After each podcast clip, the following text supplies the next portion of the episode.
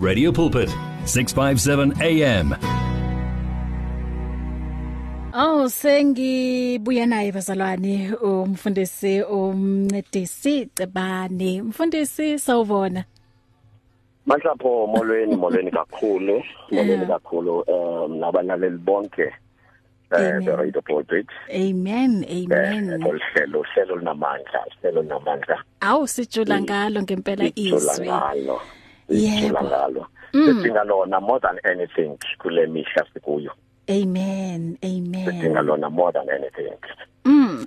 Mfundisi um nakulolu suku sisaqhubeka ngalendaba eh esithathe encwadini kaMark 4:38 kodwa njengoba siqhubeka ngayo em sizophinda futhi sibuke la encwadini kaExodus. 3 Yeah. um verse 7 to 9 you know you know you, you know Manhlapo sorry for interruption. Mhm. um bathi abashumayeli i, i scripture must always interpret the scripture. Yeah mhm if verse if verse must always support another verse. Mm. Yeah no wonder ke sithi ake sijonge nakwenye endaweni ephakeme Israel linda mosetla. Mfundisi uthola uyatholakala? Yey ndikhona ndikhona Manhlapo Hey, hayi nansi Badala liqoqo. nansi nansi nansi ufuna uku uku uku angazi ukusiphazamisa le line mfundisi.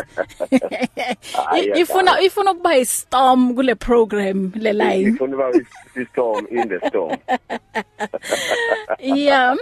Um Yeah. yebo njengoba besakhuluma ukuthi namhl- namhlanje silanda ku Exodus 3 um verse 7 to 9. Sure Singaqala ngokuyifunda mfundisi? uh, asiqale ngokuyifunda um the book of uh, Exodus chapter 3 starter only verse 7 and 8 Mhm. And the Lord said, I have surely seen the afflictions of my people, Yeah. which are in Egypt, and have heard their cry by reason of their taskmasters, for I know their sorrows. Verse 8 And I am come down to deliver them out of the land of the Egyptians, and to bring them up out of that land unto a good land and a large land, unto a land flowing with milk and honey, unto a place of the Canaanites and the Hivites and the Amorites and the Perizzites and and the Jebusites. So that is verse seven and verse number eight. Mhm. You, you, you know, Matapo, as I was saying before um, um, six, six, six, six, six, six break, eh, um, abashumayeli bathi i-scripture should interpret the scripture. Mm. Each mm. verse must must must support another verse. Yeah. So asifuni ke ukwenza into eh, esiyithatha only from one verse of Yeah. the Bible. Mhm. kufanele siyibone lento from from different verses ukuthi noba kuthiwa singabantu bakaThixo singabasindisiwe singabathengwe negazi Mm. singabaya ezulwini uPaul even attests to this Mm. um uPaul the great apostle uthi for we we we are we are troubled on every side Mm. we are troubled on every side Yeah. But but we we are not in despair Mm. we are perplexed but we are not destroyed Mm. uthi we are cast down but but but asiyekelwa asishiywa Mhm. so yonke lento into eyenzekayo nakuthi noba singabantwana bakaThixo noba sihlanjwe ngegazi lika Jesu siyezulwini ngenye imini these things will definitely come Yeah. But but i-concern yam before siphambili manhlapho i-concern yam is i-ignorance yabantu Mhm. more especially ignorance yabazalwane Mm. you you have experienced that for for the past 2 weeks sikhona emoyeni Mm. um kunabantu abathi no we are not called to preach corona we are not called to do this and that and ngithandile into oyishilo yokuthi the fact that we mention eligama elithi covid does not mean we are preaching it Mm. xa ushumayela ngitsho sewushumayela a powerful sermon kuyenzeka ukuthi along the sermon kufanele umshumayeli amention igama elithi devil or satan mm. okanye isono that does not necessarily mean you are preaching the devil yeah yeah but igama li- liyangena as as as as as, as we preach. Mhm so it, it, that is the challenge. You see abazalwane mostly um bafumene iopportunity yokucompete ngefaith um Mm. ngefaith and wisdom. Yeah. You know um aba umzekelo i- inkonzo zavalwa zabuye zavulwa. Abanye bashiyeka bengekavuli. Um laba bangekavuli bathi they are wiser than abavulile. Mm mm, mm. abavulile bona bazibona bene faith more than abangavulanga. Mm. We do not have time for that. Mm. We do not have time for that for abantu abazawukom abazawukompita ngefaith and wisdom. That is childishness. That is ignorance. Mm mm mm mm mm. You see that is ignorance. Into esingeke sikwazi ukuthula singayithethi god manhlapho god sends people to people. Mm. God uses people to save people. God uses people to heal people. Mm. Uthi uthixo usezulwini kwelesithathu yeah. uthumela abantu bazosisa abantu. Yeah. Uthumela abantu bazoshumayeza abantu. Uthumela abantu bazokwexwayisa abantu. Mm. And kunezinto ongakwazi ukuzenzela uthixo kodwa kwehlulile ukuzenzela abantu. Hmm.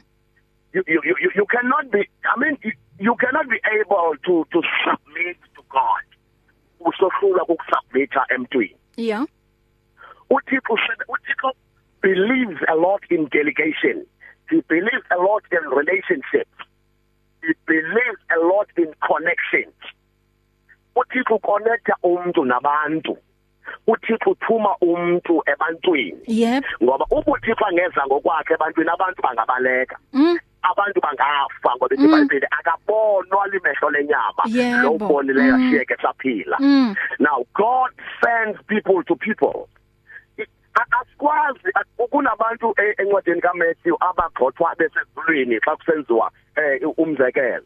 Mm. Uthiwa because ndandilambile anandiphukusha ndandomile anandipha amanzi ndandisejele anandivisit bayabuza ukuthi sasiyenzaphi lento? Athi Mm. naniyenza kwaba bantu nanihlala nabo emhlabeni. Mm. Mm. Njengoba niyenze kubo niyenze kumo so asikwazi ukuhlulwa yisubmission ekusubmitheni ebantwini esihlala nabo. Udade uJohn nisho kanjani ukuthi nithanda uNkulunkulu?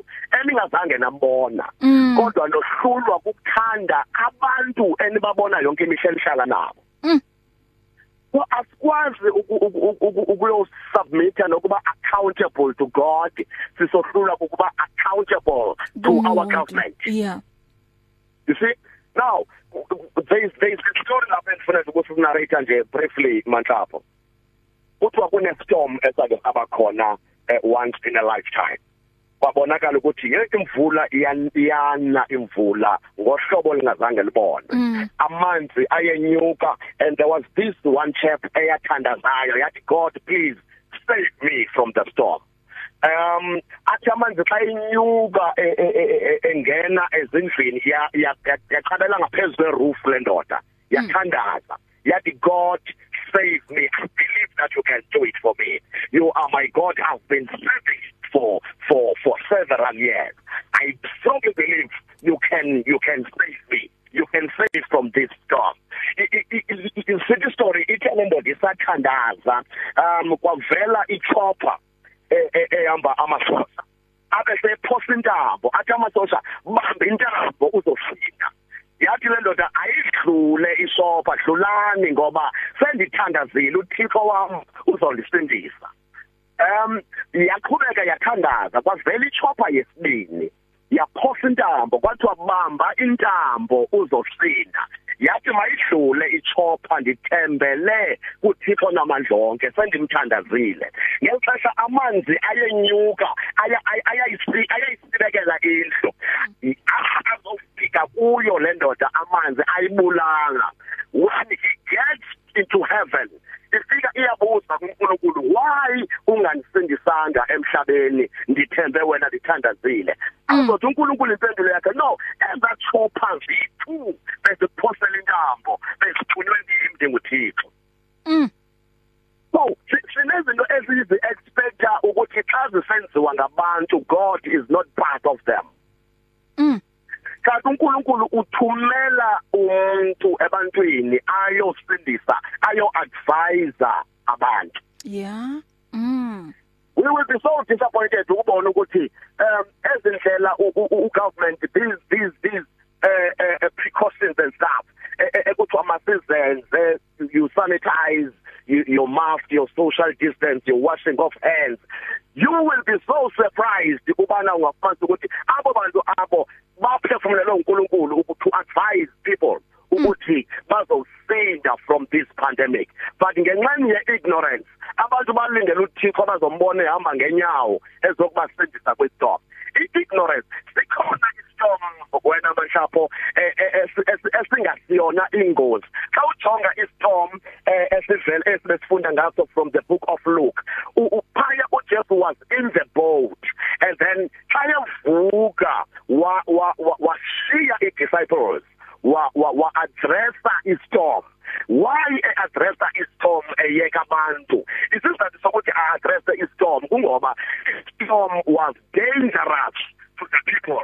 But xa sijonga in the book of uh, Corinthians uPaul uyeka istorm phaya kule boat uaddressa abantu. Why uPaul eyeka istorm eaddressa abantu while uJesu in the book of Luke uyeka abantu address istorm uPaul uyeka istorm uaddressa abantu. Ithi lento lesistorm esingasiyona ingozi esisika Paul but ibingabantu ebebezoba ingozi during the storm. mm, mm, so mm.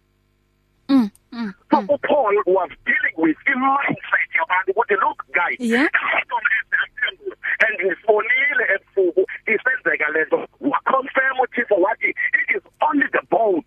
That will break but it will remain safe kodwa if anilungisanga mindset yenu this storm ngaba nobungozi storm lokho besingasibana nobungozi wow So we've got that challenge ke yokuthi though istorm esesinga mhlawumbe besingeyongozi kakhulu kodwa ngenxa ye ignorance ne mindset yabantu singayifumana ingozi from the storm. Yeah. Mhm. And mfundisi uyazi njengoba sizwa inkulumo and ezinye sizizwa um kubantu abasindisiweyo abantu abalaziyo iqiniso and ngesinsikhathi ungathi siba ku a comfort zone sitshela ukuthi hayi thina sisindisiwe ayikho into engasithinta sikhohle ukuthi storms hit believers as well the fact lana ukuthi um you are a believer kusho ukuthi ngeke ubhekane nama storms empilo oku important ukuthi how do you deal nawo? And and and and enye into ebalekile la ukuthi um ama storms uma eza aka aka aka test kuphela but at developer in your character and it reveals it. So ngezinye zezinto ukuthi thina singabantu um ikakhulukazi abazalwane. Sikhuluma nabazalwane lana mfundisi. Um abazalwane sometimes bane yes. drama manje bane drama abazalwane. And sikhohlwe nokuthi sorry to say that. Bane drama abazalwane sometimes. Which is true mfundisi. Siyayibona kakhulu idrama and njengoba usho ukuthi ngesikhathi ngathi sifuna ukucompete uyabona ngalo ngalobu buzalwane lobu and which is Exactly. totally wrong. Which is totally wrong. Mm -hmm. we are not called for that. Amen. We are not called for that. Mm -hmm. so um angazi noba ninga ningaqhubeka yebo ngaqhubeka mfundisi.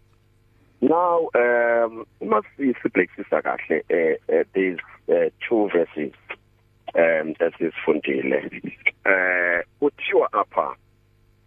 And the lord said i have surely seen the afflictions of my people. Mm.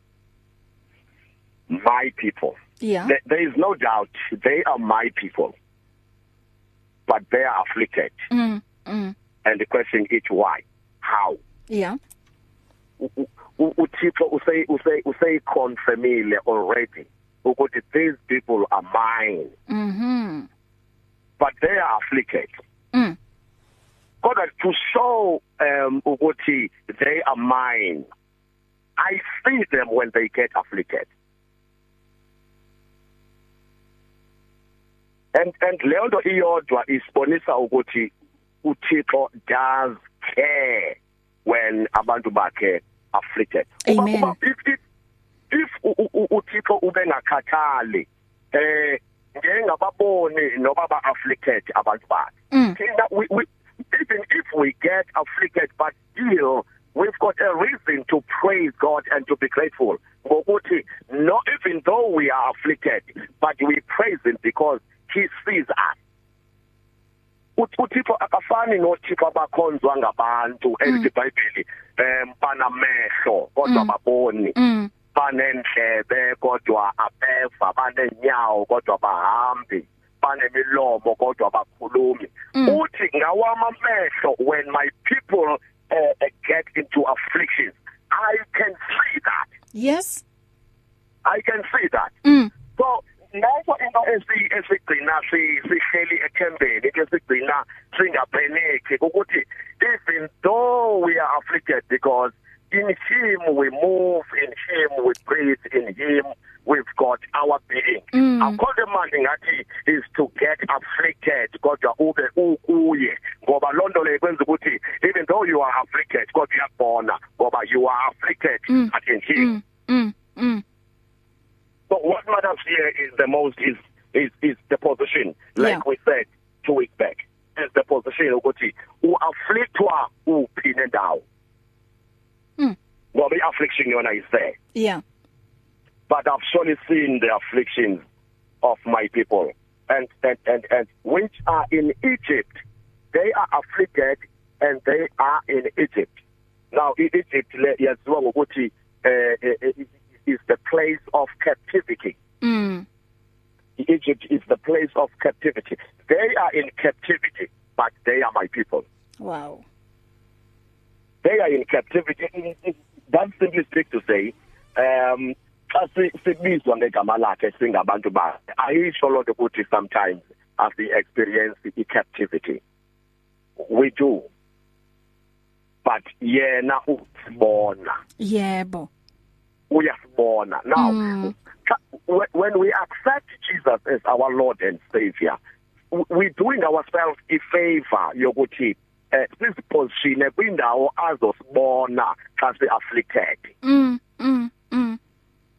You you you- you're doing yourself a favor yokuzipositiona unga unga afflictwa lapha engazukubona khona.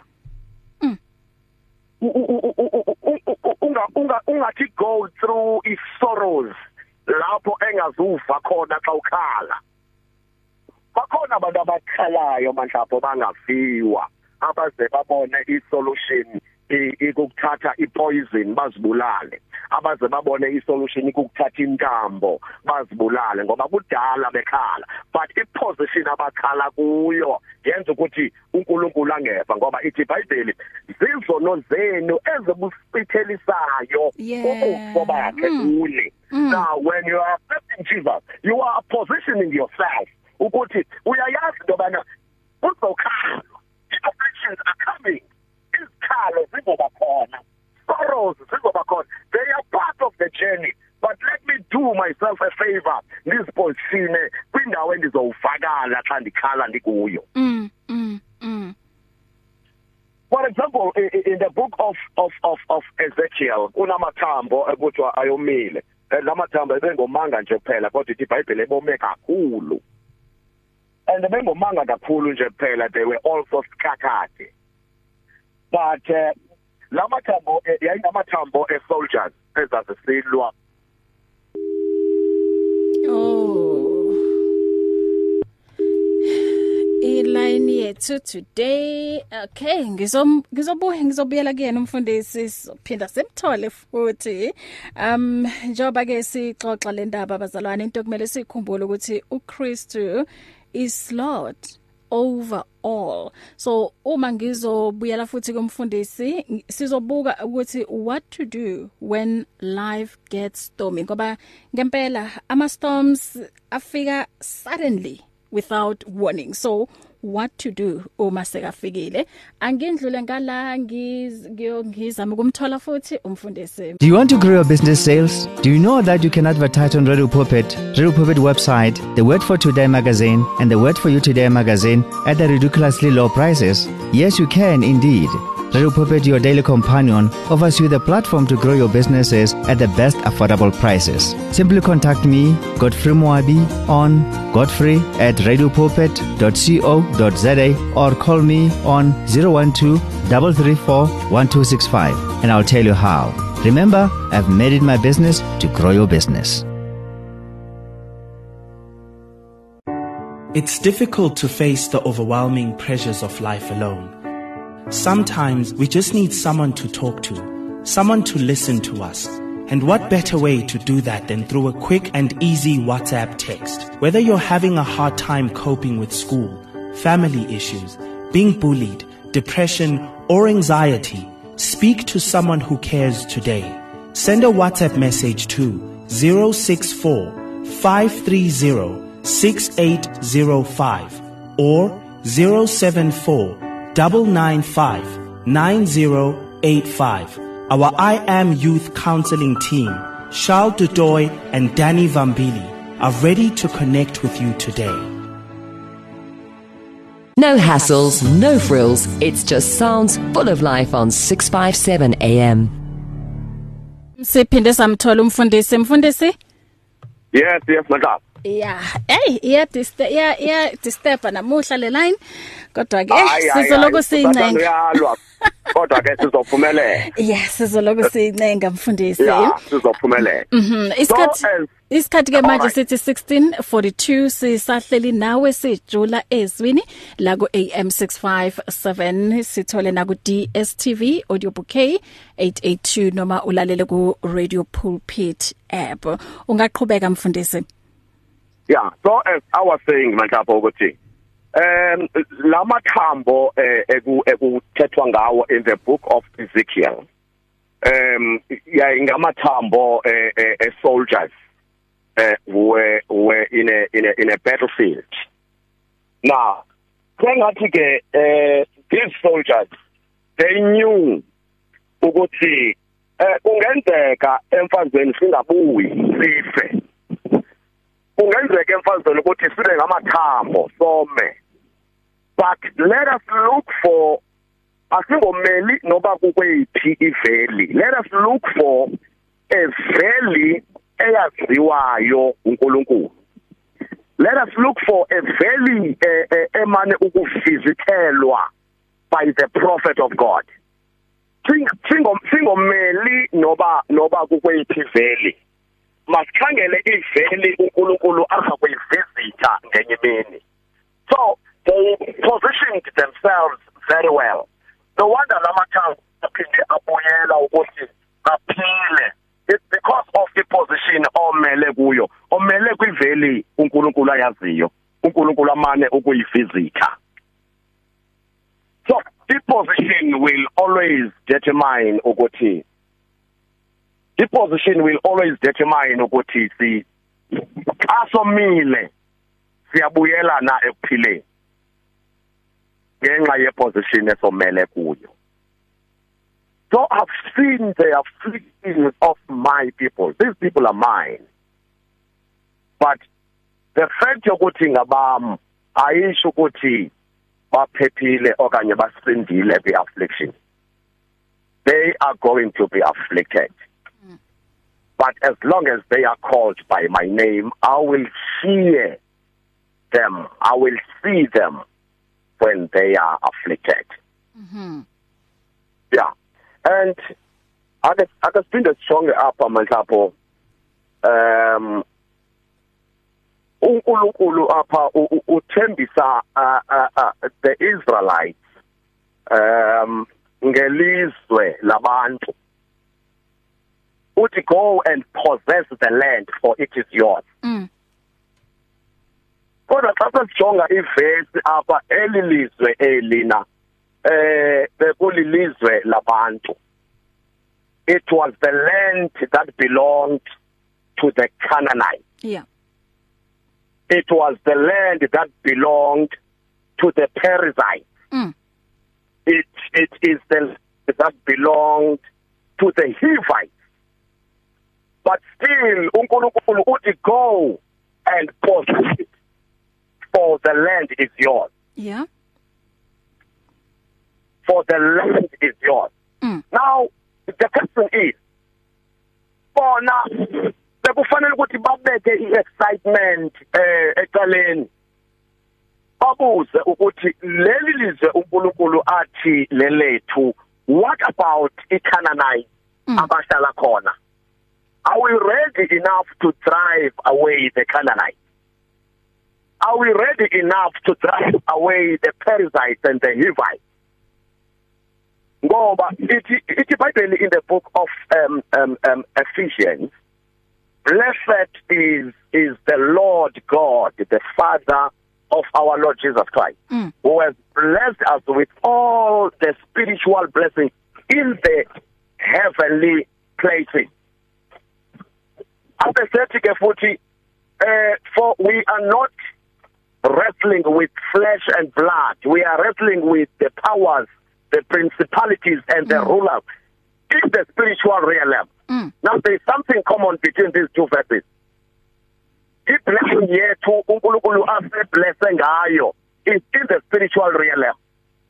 I-enemy yethu esilwa nayo is also in the spiritual realm. Mm.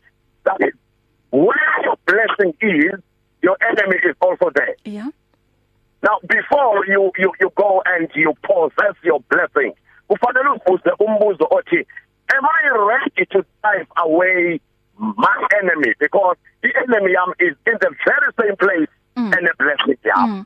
Mm. yeah my enemy even that before it possesses my blessing kuzofanele qala ndilwe ne-enemy ngoba le blessing ekuthiwa yeyam i-enemy nayo iyazi kwi-blessing yayo. Mm. and before i- ama-Israel abe excited ngobisi nebani bekufanele babe babuza umbuzo ukuthi ubisi luvelaphi ubisi luvela enkomeni. But kuyaliwa kuyaliwa alright we are in, a, in, in the battlefield. We are in the spiritual warfare. Asisoke esinopeanut butter no jam already we are in the spiritual warfare. Yebo ubisi olwakho kodwa ubisi kufanele qala ulwe nenkomo zakho ihani yeyakho kodwa kufanele qala before you possess your honey. Kufanele qala ukuthi drive away the bees apho ihani ivela khona but we are in the spiritual realm. We are trampled on the every side. We are perplexed but we are never in despair. Asiyelwa asiywa uIsrael akaqedwa and even after this COVID-19 after this pandemic there is gonna be a remnant. uNkulunkulu khona abantu bakazigcinele bona uNkulunkulu khona abantu bakazifihlele bona not all of us are going to die there is gonna be a remnant ezokhana Mm. isafumana amandla kaNkulunkulu wow ayephefumula mfowethu mathapho si si Yeah. side sobabili ngayi Ehhe. Sayenze yami ngedwalenda nalapha emakhaya eh, ba bayathanda ukuthi ke baphawule ngalo lolu daba. Um ithi sivulele incingo mfundisi 0123341322 noma ke ungashaya ku 0123338699 checka ku lama number awuthula ukuthi yiphenge nayo 012 eh, double 3 uh, 1322 eh, khuluma nathi. Um ngiyakwamukela sawubona. Sisi eh wetata bangani? Ngiyabulela ngibulisa kumfundisi ke be Amen, God. ngenkatho igama. Amen. Hayi uyazi ngiyawuthanda lo mbuzo. Mm. Ngithi what to do now when life gets stormy? Mm. And eh, yazi nge- ngena xesha u- if uthatha iDeuteronomy chapter 28 now from verse 1 to 14 mm. Khaya zintsikelelo okanye ngamathamsanqa luyolo olya. Now oluzawukhokhela okanye lulandele umuntu now omamela othobela ohlonela nothemba uThixo Mm. Mhm. you you will be followed by these blessings. Uba ngaba uye wenza ngohlobo. Mm. Uzawuthi ke uverse 7 kwakuDeuteronomy chapter 28 athi phaya uThixo uyehova uThixo wakho. Uya kukuvathisa ngoloyiso. Mm. Ngamanye amagama uya kukuvathisa ngomoya oyingcwele mm. Now uya kukuvathisa ngojesu. Ekugqibeleni. Uya kukuvathisa ngothixo. Ozoke undivesi bahle lisithi you and god. You are the majority. Mhm and doubt that not. U- uba ngaba uzawuthi pegqibeleni athi chekisha ukuba uDaniel now kwavela istorm Daniel 6 from chapter 1 I mean chapter 6 verse 1 kwathi kwavela istorm kuDaniel what did he do Mm. wenza ntoni uDaniel? Mm. kwakuvela ingcuba kaxaka yengcusheshe yesaqhwithi kwenzeka ntoni yeah. Uthixo wathabatha indawo.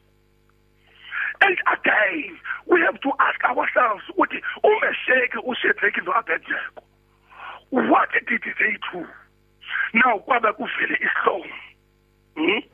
Now uJesu wathabatha indawo and lastly sibahle mfundisi wami ingaba uJobi wenza ntoni kwaba kuve kaloku isibhalo sibahle sisi sisifundisa ukuba sifunde ukuthi uma kwenzeke oku ukuthi siyazi ukuthi akuqali ngathi. Mm. yes storms will be there. Yes confusions will be there. Frustrations depressions will be there ingumsekelo intaka sibahle awunakwazi uzilawula uba singabhabhi phezu kwentloko yakho. Because zadalwa uba zibhabhe phezu kwentloko yakho. But it's the only thing that must not happen ebomini bakho. Sokuyivumela intaka uba yakhisele phezu kwentloko yakho. Sokuyivumela ngamanye amagama ukuthi depression umoya engcwele ulapha kuwe ngaphakathi kuwe Yeah? so lastly ndiyafundise kwinketho umzekelo xa uthe uthixo uza kuvathisa ngoloyiso u- u- usivathise loyiso kwakwi-covid kwenje nje doubt that not uthixo engakuwe a- a- a- sibahle ndike nditsho ndithi yiphi le mpuku inodakasa kwakho endlini kathi khona Huh?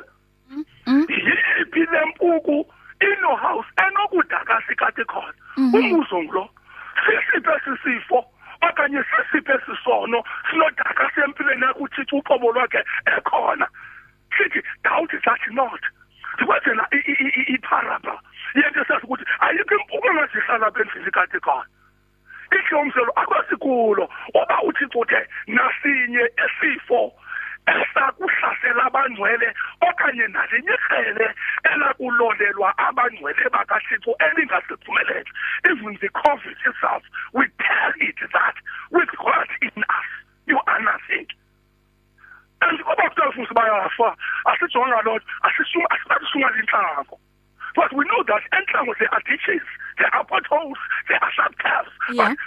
ah, yes asawushumayela loo nto. Sishumayela ikanani mm. Mm. Sishumayela ijerusalem entsha. Asawushumayela i-ditches. Ngikuzwa kahle mfundisi. sishumayela apho siyakhona ingqondo kamoya engcwele because sinemindset kathixo sishumayela ijerusalem lesiya kuyo. Masingayihoyi kanana futhi wami. Into ezimbi icovid ikhona but ayifuni unikwa suko. Mhm. Ayifuni ukoyikwa because ifiye iwari i-depression. Ayizophushisa amakholwa ezo so let, let us be bold be brave be confident be courageous. Because umoya ngcwele ukuthi for loo nto i thank you very much Oh. bafo sizikelele siyabulela siyabulela Nkosi tata. Bakhosi nkosi kakhulu amen thank you. Ah umfundisi bangani loyo ingaleke eButterworth yebo uthi um asibeni bold uyazi um si silwisane naso um le, le virus noma ngathi lesisifo um izwi liyasho bazalwane ukuthi akukho ngempela okumehlulayo uJehova. Yes umbuzo wami umfundisi bokuthi what to do when life gets stormy? Ngoba um lama storms nje afika uh, suddenly without a warning. So what to do? Yeah. Mm. the enemy um more than more than ifear machapo yeah. when life gets stormy. I-enemy ngaphezulu kokuthi si siba nefear siba ne hesitation um siba na this and that but i-enemy ukhohlwa ukuthi ubani ohamba naye kwiboat? Mhm mhm. Because ethi bible um when when the storm approached then he remembered that Jesus is also in the boat. Yeah. So eyona enemy ngaphezulu kwefear ukulibala ukhohlwa ukuthi uhamba nabani. And ukhohlwa kwenza utshintshe ilanguage. See um une kunesisho esithi um a group of lions elidishwa igusha eh? A group ye lions that is led by a sheep can be defeated by a group of sheep that is led by a lion. I will I will say that again. A group of lions that is led by a sheep can be defeated by a group of sheep mm. that is led by a lion. Hmm. Powerful. Singaba singaba singaba singaba nomkhosi o strong. Yeah. But if the leader the captain is mm. weaker mm mm mm uh, uh, uh, then ushiya umkhosi o strong ungena meaning uyuseless mm. Singaba nomkhosi o, o, o weak but if the captain is strong the captain only says the word we rely on what the captain. Mm. We we tap in into what the captain has said and then we do it. And and kufanele sikhumbule ukuthi iBhayibheli isithi and the Lord said uNkulunkulu xa sikhuluma akathetheli ukuthi sithi xa sekwistorm simkhumbuze uba kutheni uyamazi kutheni he's not a man that he should forget. Yeah. he's not a man that he should lie. He does not sleep nor slumber. Yeah. Isibusithi Lord. And oh, there is this tendency ke ukuthi xa when we facing a storm sithi xa sithandaza eh, uNkulunkulu you have said you said in your word wena Thixo uthini ezweni lakho that is useless that is meaningless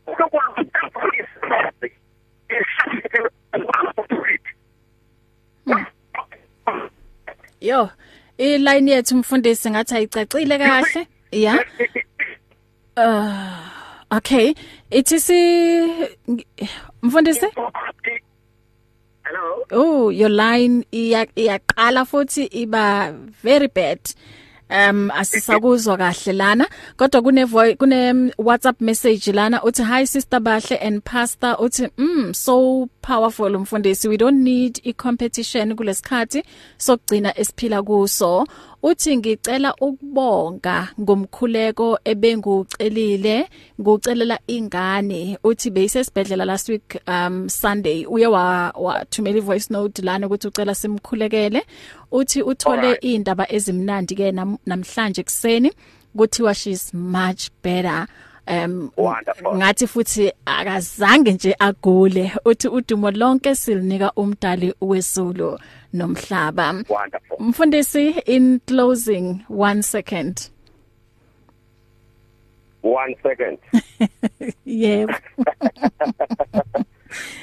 You see kufanele thina sibe ngcono kuno Moses no Elijah no Yeah. Paul no Matthew no bani ngoba bona kwi risk impilo yabo bengena point of reference. Mm. Thina we are lucky. Thina we are loved by God. Ngokuthi bona babe reference yethu. Mhm. now we've got all the confidence and authority. Mm. say if God did it I can do it. Yeah. if Moses did it I can do it. Mhm. if Elijah did it I can do it. Bona bayenze bengena point of reference. Mm. belandela nje ukusho kaNkuluNkulu. Mfundisi? Oh, wanqamuka. Oh, Yeah, okay. yeah, because- Okay, mfundisi thank you so much ukuthi ube nathi noma ukuthi kube khona oku Yeah. disturbayo kancane. Yeah, kodwa ke umyalezo wona kodwa ke masithembe ukuthi kuvakele u- uzwakela impela. Um Amen. ba bangaxoxa nawe eh, bangakuthola kuphi mhlawumbe uma bethanda ukuqhubeka mhlawumbe bakhulume nawe after siphuma la. 079 um 620 4555 Mm 0796204355 bangakuthumela nama inbox ne? um for now bang- bangafona noba benza ama SMS because I, I'm, I'm not on Facebook ngale phone I'm not on WhatsApp. yeah yeah yeah they yeah. can call or SMS okay. Thank you so Yeah. much mfundisi. Asiphinde futhi eh sihlangane evikini elizayo. Njoba ke on Friday ngaphambi kokuthi sizohlangana nawe um kuzobe kwi Christmas Day umyalezo wakho uthini? Umyalezo ukuthi abantu ma- maba- mababe wise njengeenyoka Mhm. Mababe wise njengeenyoka i prevention is always better than better. cure. Yeah yeah. Mhm Awu- awuthi ngoba awuthi ngoba une medical aid enemali uphume phandle ubanda uthi hayi ngisoba ne flu ngizoma afford udokotela. Mm. You you don't do that. Yeah. Thank you awuthi mfundisi ngoba uhamba noNkulunkulu ophilisayo uthi hayi noba ngithetha like nda infected uNkulunkulu uzongiphilisa. You don't do that. Prevention is always better than cure. Amen. Amen mfundisi. Asihlangane Amen. evikini elizayo. God bless you. I can't wait. God bless you too. Thank you. Mm. Yeah, umfundisi umncedisi um Cebani ebesinaye. Next week ke siyayivala njengoba kuzobe kuyi last Sunday um ku si ku- kulonyaka ka2020 kulona lolu hlelo sijula ezwini ngiyaphuma ke selishayile lesihlanu ihora. Upastor Ray Lehodi uzoqhubeka nawe. Engakusho nje ukuthi we must trust Jesus the Lord in the storms of life ngazo sonke ikhathi asiphinde ke sihlanganyele ekseni 4am until half 5 sithi nanoma eh, kunama storms empilweni kodwa uNkulunkulu yena uhlezi emuhle sithi my god is good oh. It's here. Radio Pulpit's new website is live. You can tune in at radiopulpit.co.za and enjoy crystal clear sound with just a click of a button or listen to our podcasts. Discover biblical truths in our daily devotionals and let our stories of hope inspire you. You can download our app on this new look, easy to use platform. Find your favorite program, get to know our presenters, and so much more at radiopulpit.co.za. Radio Pulpit, your daily companion. Discover an abundance of life. 657 AM.